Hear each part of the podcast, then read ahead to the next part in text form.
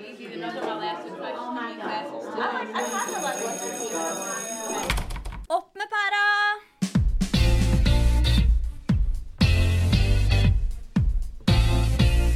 Velkommen til Opp med pæra.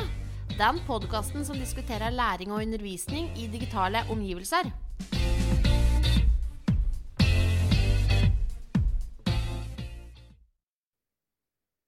Hei og velkommen til ny episode av Opp med pæra. Denne gangen skal dere treffe lærerutdannere som diskuterer forskjellige forsøk på å gjøre undervisningen bedre ved å ta i bruk digital teknologi. En prøver å løse et faglig problem, nemlig at lærerstudentene ofte er ganske så svake i nynorsk. Kanskje du har plukket opp at noen lærere frykter at nynorskroboter skal gjøre det enklere å jukse og gjøre elever svakere i nynorsk? Den ene av gjestene våre tenker motsatt. Hun bruker en robot som heter Apertium til å øke studentenes nynorskkompetanse, og forteller hvordan og hvorfor. De andre forteller om sine forsøk på å forberede lærerstudenter godt for yrkeslivet, i f.eks. gjennom bruk av videolekser og digitale læringstider. Merk at Apetium omtales som nynorskroboten. Dette er egentlig egennavnet på en oversettelsesrobot som er utviklet av Nynorsk pressekontor. Velkommen til en episode av Opp med pæra. I dag skal vi snakke om digitale oppgaver, dvs. Si noen små og konkrete oppgaver som vi nettopp har prøvd ut. Og vi som skal snakke om det, er uh, Anne. Marit. Norunn. Og jeg, Jannike. Alle vi er studenter denne høsten på et studium kalt PFDK, eller lærerutdannere i en digital tid, her ved Universitetet i Sørøst-Norge. Jeg tror vi begynner med deg, Anne. Du arbeider jo med nyutdanna lærere. Eh, kan du fortelle litt fra praksisfeltet? Ja, det gjør jeg gjerne. Eh, Eksempelet som jeg vil trekke fram, er henta fra 7. trinn ved en skole som, eh, hvor alle elever har hver sin iPad. Og læreren la til rette for læring i digitale omgivelser. De arbeidet i sju uker med et tema hav, 'Et hav av muligheter'. Og produktet skulle bli en nettside som skulle vises på foreldremøtet. Et hav av muligheter, det var en spennende tittel. Hvordan arbeider de med dette her? Jo, altså Aller først så blei de delt opp i grupper, og de skulle jobbe med fakta om havet. Da samskrev de en felles tekst uh, som ga rom for tilpasninger, så hver elev kunne bidra på en måte som var best. Noen grupper valgte faktatekster, andre argumenterende tekster, og noen skrev leserinnlegg. Så hver gruppe, da, altså Det som var spennende, var at de hadde en grupperedaktør som var ansvarlig for innholdet, og skulle sjekke kilder og se overalt før det ble levert videre til sjefsredaktøren til klassen. Og når tekstene var ferdig, så kunne de gå videre med øh, å velge da, hva, ulike arbeidsmetoder videre. Og da var det noen som lagde animasjonsfilm. Noen øh, valgte å lage en liten spillefilm. Andre de lagde resirkulering av plast, uh, som de da dokumenterte ved bruk av iPad. Og um, i tillegg så skulle alle gruppene lage hver sin podkastepisode om plast i havet. Og den var på engelsk. Så det er helt fantastisk. Ja, det høres ut som veldig elevaktive arbeidsformer. Var elevene fornøyde, eller? Ja, de var veldig fornøyde. Og så under prosessen så var de så motiverte. Både for eget arbeid, og så var de veldig opptatt av medelevers arbeid også. De hadde jo et felles mål. Og det var tydelig at de likte veldig godt å være med og bestemme hvordan, eller hvilken arbeidsmetode de skulle bruke. Og de var også flinke til å, til å altså gi tilbakemeldinger til hverandre. Og de hadde ja, mye å si for motivasjonen. At de skulle vise det på foreldremøtet. Som da ble på en måte en, en deadline. Mm. Var læreren like positiv, eller? Ja, hun forteller veldig om en aktiv klasse. Og det var tydelig at det skjedde mye læring. Både faglig, men også rundt det å samarbeide. De, alle bidro veldig aktivt. Og de ga og fikk tilbakemeldinger, og så justerte de eget arbeid. Så det var jo til tider mye lyd, som hun sier, men uh, hun omtaler det som kontrollert kaos. Kontrollert kaos, det syns jeg høres veldig bra ut. ja, det er så flott. Det er topp altså når lærerne tør å slippe kontroll og ta en litt annen rolle enn den tradisjonelle lærerrollen for det, som formidler. Så hun var jo på mange måter en tilrettelegger og en veileder. Så hun hadde som oppgave å til enhver tid vite hvor gruppene befant seg, sånn at hun kunne motivere og legge til rette veien videre. Så på den måten så eh, for henne så var jo det en naturlig måte å jobbe på. Mens andre lærere, både nyutdanna og erfarne, de trenger nok litt øvelse for å være komfortable i en sånn setting. Så det handler jo veldig mye om kunnskap om digitale læringsressurser. Men eh, jenter, ut ifra det jeg har fortalt, så er det spennende å høre hva dere i lærerutdanningen kan bidra med for å gi studentene digital kompetanse. Ja, jeg har brukt en veldig enkel digital ressurs for første gang dette semesteret, som heter Mentimeter. Jeg vet ikke om noen av dere har brukt det? Nei, hva er det for noe? Nei, Det er et eh, digitalt eh, responsverktøy som eh, kan brukes på veldig veldig mange forskjellige måter for å innhente studentrespons. Det er veldig enkelt i formen. Det er nettressurs. Fungerer litt sånn som Kahoot, der studentene kan bruke QR-kode på telefonen sin, og så får de tilgang til å svare på spørsmål da, via telefonen. Og så til slutt så kommer jo alle svarene til studentene opp på skjermen eller den digitale tavla. Eller ja, på en eller annen måte så blir det i hvert fall synlig for alle. Ja, ja, ja, jeg tror faktisk jeg har brukt, eh, eller at jeg har sett at noen har brukt Mentimeter for å sjekke om studentene har forstått en forklaring. Kan det stemme? Ja, det er veldig veldig mange måter å bruke Mentimeter på. Du kan lage helt enkle ja-nei-spørsmål, og så kan du få opp statistikk eller prosenter. Og i store grupper så bruker du kanskje det for å uh, sjekke da om elevene har forstått, eller studentene har forstått uh, det som man snakker om. Men så kan du også lage helt egne åpne spørsmål òg. Mange måter å bruke det på, sa du. Men hvordan brukte du det da, Marit? Nei, altså jeg brukte det i en økt uh, for å få fram begreper fra pensum som studentene uh, syntes var vanskelige. Som da skulle brukes som utgangspunkt for en diskusjon eller en uh, dialog. Uh, og vi skulle innlede en økt med å ha en lærerstyrt forelesning om dialekter. Og resten av økta skulle studentene lage en digital presentasjon av et dialektområde som et gruppearbeid. Eh, og det skulle de presentere for resten av klassen, men eh, det var også et opplegg som de skulle kunne bruke i praksis. Og så hadde vi jo jobba med temaet talemålsvariasjon over en tid. Og studentene hadde for så vidt hatt ganske klare lesebestillinger til forelesningen. Men uh, siden de skulle lage en presentasjon og gjøre det en gruppe, så tenkte jeg at det var en god idé at de hadde en felles forståelse for, og en dybdeforståelse for noen av de helt sentrale fagbegrepene. Um, så jeg ønska at forelesningen min uh, den skulle handle om akkurat det studentene følte at de hadde bruk for. Så da lagde jeg et spørsmål i Mentimeter som lød noe sånn som begreper om dialekter jeg tror er viktige, men som jeg ikke er helt sikker på om jeg kan definere eller forklare. Og så kunne studentene legge inn inntil ti begreper. Um, og jeg hadde brukt innstillingen ordsky i Mentimeter. Og det gjorde at de begrepene som flest studenter nevnte, de ble da større enn de andre.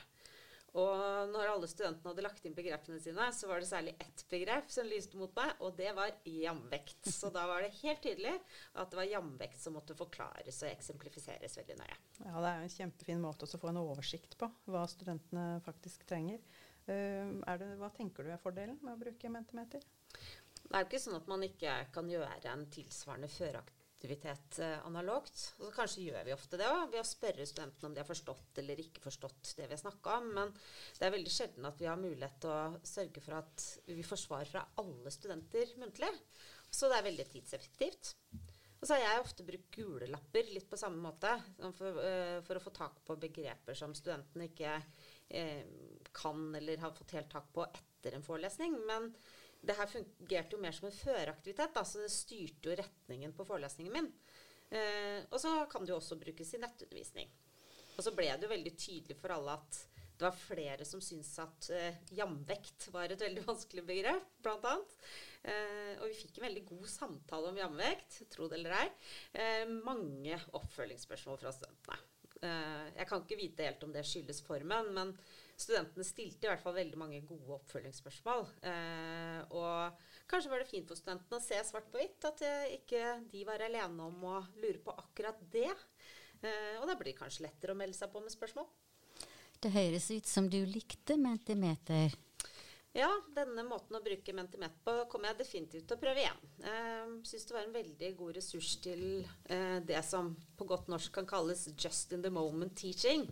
Uh, jeg syns det er en god måte å bruke digitale ressurser for å få innsikt i studentenes forståelse av et tema. Og sånn sett så kan det jo inngå i omvendt undervisning også. Um, men det gjør jo at jeg som lærer er nødt til å undervise nettopp på sparket. Og det kan jo oppfattes som krevende enkelte ganger, det. Men uh, samtidig så tenker jeg at det er jo ikke noe i veien for å lete etter spørsmål eller svarene på spørsmålene, da. Uh, sammen med studentene heller. Nei, uh, det hørtes Det var spennende, Marit. Så nå glemte jeg nesten mitt eget eksempel her. For jeg tenkte jeg skulle si noe om mitt, mine videolekser, jeg faktisk. For det er det jeg har testa ut dette semesteret på masteremnet vårt i litteratur. Da jeg underviser, så skulle studentene lese 'Koke bjørn' av Mikael Niemi, og det er en tykk roman. Og da ville jeg forsikre meg om to ting. Det ene var at studentene var forberedt til økta, faktisk. Fordi det er ikke så gøy å undervise i et verk som bare jeg har lest. Men så ville jeg også legge opp til en bestemt lesemåte. Altså jeg hadde lyst til at studentene skulle trekke veksel på eh, sine opplevelser og livskunnskap i møte med teksten. Uh, og fortelle om det i et uh, nytt format, da, altså videoleksen. Videolekse, men hva legger du egentlig i det begrepet? Ja, det prøver jeg å, å, å finne ut av. Men, men uh, videolekse det er et slags konsept som ble skapt for å få innsikt i studentenes lese- og læringsprosesser. Og det er nok, tror jeg, et ganske nytt fenomen. Og så vidt jeg vet, så ble begrepet egentlig brukt her på USN først også, eh, så seint som i, i, fjor, tror jeg det var. Men eh, helt konkret i hvert fall, så er videolekser eh, rett og slett en videofilm som studentene spiller inn ved hjelp av et program, som f.eks. Screencast-O-Matic, som de laster inn på læringsplattformen vår, som er Canvas før fysisk undervisning. Og den filmen den er kort, kanskje opptil fem minutter f.eks og omhandler et konkret da, leseoppdrag eller en lesebestilling. Eh, og det um, leseoppdraget eh, det kan jo være så mangt. Man kan f.eks. Um, ja, dvele ved en problemstilling eller greie ut om et fagbegrep. Kommentere en fagartikkel. Eh, poenget er iallfall at det er en studentaktiv arbeidsform. Da. Eh, og det minner jo om ting eh, man har hørt om før og i andre sammenhenger, som f.eks. Uh, mikroteaching eller omvendt undervisning. Da. Du nevnte det at du laga ei videolekse til romanen 'Kokebjørn'. Og det er jo en lang, kanskje krevende, men også spennende roman. Eh, men kan du gi oss et eksempel? Uh, ja, um, som sagt da, så skulle jo den videoleksa primært handle om studentenes opplevelser og erfaringer eh, med boka. Um, så jeg lagde ti leseoppdrag uh, om det man kaller fiktive lesemåter. Og um, et eksempel på ett av de leseoppdraga der var f.eks. at studentene skulle svare på hvem er Jussi, og det er altså hovedpersonen i romanen 'Kokebjørn'. Hvor de skulle da forsøke å forestille seg den figuren og, og besvare da hvordan er Jussi sin livsverden, hvordan har han det, hva drømmer han om? Og så kunne de underbygge de eksemplene eh, eller synspunktene sine med direkte eksempler fra boka. Som, eh, eller språklige formuleringer, altså direkte sitat. Um, eller så kunne det også være oppgaver som um, uh, f.eks. handla om å innta en vitnerolle. Altså at de kunne forsøke å være en figur som ikke fins i boka, eh, men likevel kommenterer en bestemt hendelse eh, eller en figur som eksisterer der. Altså de kunne være et annet familiemedlem eller en venn eller en prest, en nabo, en gårdsgutt. Eh, og så forsøke å gi råd da, til en av figurene i, eh, i boka. Så det var liksom, eh, ja, det var i hvert fall et par eksempel på, på noen av de oppgavene. spennende. Det er jo, som du sier, primært så handler det om å få frem studentenes opplevelser. Men uh, tenker du andre mål med den måten å, å arbeide på? Ja, det er, det er, flere ting som var målet med den oppgaven. Det ene er jo å få til det med elevenes førforståelse, selvfølgelig. Det at jeg vet mer om, om, hva de får til, og hva de lurer på. Eh, og det andre eh, var rett og slett at jeg syns jeg ser eh, elevene for lite, eller studentene mine for lite. Det er lite fysisk undervisning, så gjennom å starte med et oppdrag før undervisninga, så forlenger jeg på en måte undervisningsforløpet. Mm. Og så får jeg noe mer informasjon om hva de lurer på. Så jeg får mer innsyn i både leseprosessen og leseerfaringen deres. Um, det høres jo veldig bra ut, men er det vanskelig å gjennomføre? Eh, du, det praktiske det går veldig fint, fordi at studentene er nærmest selvgående. Så det har egentlig vært vanskeligst for meg, fordi at eh, det har vært et nytt format. Så, fra et studentperspektiv så tror jeg jeg ville sagt at det går veldig greit, men jeg har måttet øve meg litt på både det ene og det andre. Men hva syns studentene om å skulle levere inn sånne videolekser? Jeg vet nok litt lite om det foreløpig, eh, og jeg holder på å undersøke det, så de skriver logger til meg om sine videorefleksjoner. Eh, men eh, oppsummert så har jeg nok et, en følelse at de er ganske positive til å ha oppdrag, og kanskje særlig i litteratur. Eh, og de sier jo bl.a. at de liker å bli pusha til å lese, at de leser tidligere og nøyaktigere. Um, og at de trenger trening i det å reflektere rundt eh, litteratur, og at det er en fin opplevelse å ha med seg inn i den fysiske undervisninga. At de har snakka eh, om litteratur høyt i et annet format før. At det er lettere å ta ordet i en eh, undervisning. Men det er også noen som sier at um, de syns det er litt sånn anstrengende å vise ansiktet sitt. At de skulle ønske at det var en, eh, en lydfil bare. Og, og det kan jeg på mange vis uh, forstå. Men det har liksom vært et poeng annet at vi bruker også video fordi at jeg har få møtepunkter med studentene. Og gjennom også å se dem, så, så opplever jeg at jeg får sett dem oftere.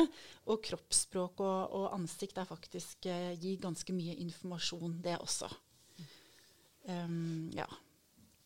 Eh, egentlig så, så tenker jeg at eh, at videolekser er noe jeg kunne fortsette med. Jeg er jo bare nybegynner, eh, men at jeg liker godt eh, er for for mat, rett og slett.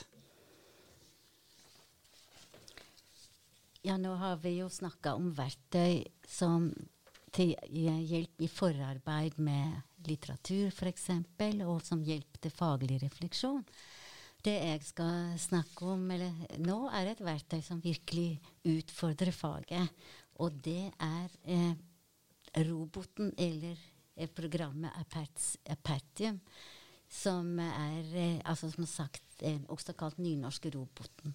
Der har jeg hatt et prosjekt med studenter for å få dem til å ønske å lære nynorsk på ordentlig. Det var, kan ikke du si det navnet en gang til, Norun? Jeg syns nesten det høres ut som en medisin. Ja, det er jo apertium. Og det er altså Om det er en medisin, kan man diskutere. Det er litt uenighet om det. Men jeg mener at det er en motivasjonsmedisin.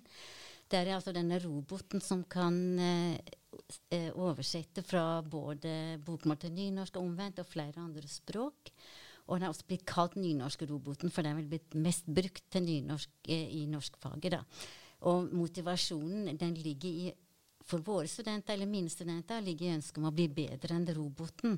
For denne robot kan hjelpe til med mye, men det som jeg vil ha, vil ha utvikle, og som samme studentene, det er det vi kaller for menneskehandel på toppen. Den som på en måte kan mer enn roboten. Men det høres jo helt fantastisk ut, Norun, Norunn, å ha et eh, sånn type produ produkt eller en robot som kan hjelpe til med nynorskproblemet. Men hvordan har du fått studentene til å ville lære mer, da, når de strengt tatt bare kan bruke denne roboten? Ja, det er jo det at jeg mener at de kan lære mer gjennom å bruke den. Så vi må på en måte ikke undervurdere folks ønske om å lære seg noe ordentlig. Det er jo, Nynorskroboten er jo blitt så god at mange lærere engster seg for at elevene i videregående skole særlig da vil fuske ved å bruke eh, roboten. Og dermed så eh, mener enkelte at dette er død, og en andre igjen mener at dette er døden for nynorsk som sidemål. Men det går an, tenker jeg, å gjøre begge deler. Utvikle nynorsk, bruke, utvikle kompetansen i nynorsk og bruke roboten. Og, og jeg syns også det er noe rart med norsk skole når en er mer redd for fusk enn det å ta i bruk et hjelpemiddel som kan bidra til bedre kompetanse i nynorsk. Det er jo forståelig at uh, lærerne er eh, litt engstelige hvis programmet er så godt. Men uh, tenker du videre om det? Nei, jeg syns også det er forståelig. For det at det, læreren skal evaluere. Men på den andre sida må vi tenke at derfor de studentene som jeg har, de skal bli norsklærere, og de skal ha høy kompetanse i både bokmål og nynorsk. Og denne roboten fins er kommet for å bli. Og de, disse, læ disse, lærerne skal vite mer enn elevene som bruker roboten. Og Derfor vil jeg trene studentene mine til å oppdage det roboten ikke kan, slik at de kan igjen rettlede sine elever i bruk av roboten. Så det vi har gjort, er å begynne med å, å, å, å oversette korte tekster fra nynorsk til bokmål, for da er det lettere for studentene å oppdage det roboten ikke kan. Og så går vi over til mer lengre og mer komplekse tekster, og gjør det begge veier, da. Så er det vanskeligste tekstene for roboten og for folk flest er vel å omsette byråkrattekster og tekster fra Wikipedia og Store norske leksikon. Men da bruker vi grammatiske begrep og lager huskeregler som, på et felles Google-dokument som studentene da kan bruke for å vurdere roboten. Men lærer du nynorska da? Ja, her er svar på det fra en av studentene. Mine nynorskferdigheter har endret og forbedret seg mye det siste semesteret.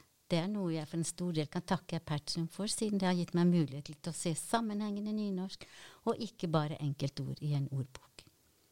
Når jeg hører et sånt sitat, Norun, så tenker jeg at da må jo studentene kunne grammatikk for å si noe om hva roboten eh, ikke kan. Og da tenker jeg, hva, hva, med stilnivå og språkfølelse? Kan egentlig roboten hjelpe til med det? Ja, altså det er Derfor må vi også undervise grammatikk parallelt med dette. For studentene trenger jo et metaspråk, et språk om språket, for å utvikle det i arbeidet med å vurdere roboten. Men akkurat dette med, med språkkjensle, språkfølelse, det er det mennesket som står for, og det er det mennesket som har. Og det er det vi skal gjøre folk eller studentene oppmerksom på at de faktisk har. Da. Og en av studentene sier det slik. I tillegg er jeg blitt klar over at selv om jeg bruker Apertium som et hjelpeverktøy, så bør jeg ha en forståelse for hvordan man skriver god nynorsk. Er man god i nynorsk, klarer man å skrive bedre og med bedre flyt enn om man kun har brukt, brukt Apertium. Så det gjelder jo egentlig også for for bokmål. Det er et kjempeinteressant eh, eksempel, Norun. Men uh, hva tenker vi at vi har lært av dere? Eh, eller hva tenker vi annerledes om etter å ha prøvd ut ulike digitale oppgaver? Tja, om eh, de digitale videoleksene så tenker jeg i hvert fall at det har bidratt til at jeg finner flere møtepunkter med studentene mellom, fysisk, eh, mellom de fysiske undervisningsmøtene. Uh, og at uh, video har vært en fin ressurs for å få til faglig prat mellom samlingene. Og at kanskje jeg også komponerer undervisningen noe annerledes, fordi forløpet faktisk nå starter før vi ses. Um, og så tenker jeg at jeg får mye konkret informasjon i videoleksene som jeg kan bruke inn i selve forløpet mitt fysisk. Eh, altså deres eh, responser og refleksjoner. Og der er det kanskje enda mer potensial. At jeg henter inn noen glimt eller noen klipp fra videoleksene inn i den fysiske undervisninga i noe større grad. Da. Det er kanskje det viktigste som jeg sitter igjen med akkurat nå. Og det jeg har lært, er vel at i arbeidet med Apertsum, er at teknologien kan styrke fagkompetansen til studentene. Og jeg har også fått meg mot til å stole på at studentene faktisk har ei språkkjensle. Og har lyst til å fortsette med det neste semester, og da skal jeg gjøre det enda mer eh, morosamt og kreativt enn det jeg har gjort eh, til nå. Fordi jeg har vært litt for opptatt av å vise at roboten, roboten kan ikke behandle kompliserte tekster. Og det er litt dårlig utgangspunkt, så jeg vil egentlig heller jobbe mer med f.eks. lyrikk og sangtekster. Og neste semester skal jeg også jobbe litt med Jahn Teigen sine sanger. Og disse er veldig enkle, og de kan utfordre programmet på andre måter enn de tekstene vi har fra Stor norske leksikon eller Wikipedia. For jeg tenker at det er én ting vi også må gjøre, og det er å le når du får morsomme forslag til, til omsetting av Jahn Teigens tekster. Så å le, det trenger vi å gjøre i disse tider. Ja. Eh, dere har jo gjort ganske komplekse oppgaver, og den oppgaven som jeg gjorde med Mentimeter, var jo veldig enkel og lite kompleks. Men jeg tenker at det som jeg erfarte i praksis, da, det var jo hvordan spørsmål som alle studentene må svare på, at de faktisk kan fungere ganske dialogisk. Eh, for eh, min forelesning, eller mine miniforelesninger, de ble jo bitte små biter med monolog. Men samtidig så ble jo stemmene til alle studentene hørt gjennom at de bidro Eh, med å bestemme hva jeg faktisk skulle si noe om. Mm. Det er spennende ting dere forteller. Og det jeg sitter igjen med i den forbindelse, er jo da at det er kjempeviktig å utdanne lærere som er trygge i teknologi, teknologirike klasserom. Eh, og det betyr jo faktisk at lærerutdanningen og praksisskolene som studentene mm, er på, de må gi erfaring til eh, studentene, sånn at de får bruk, brukt digitale eh, ting i sin eh, studie. Eller når, når de kommer ut som lærere da føler seg komfortable til å bidra inn i et teknologirikt klasserom.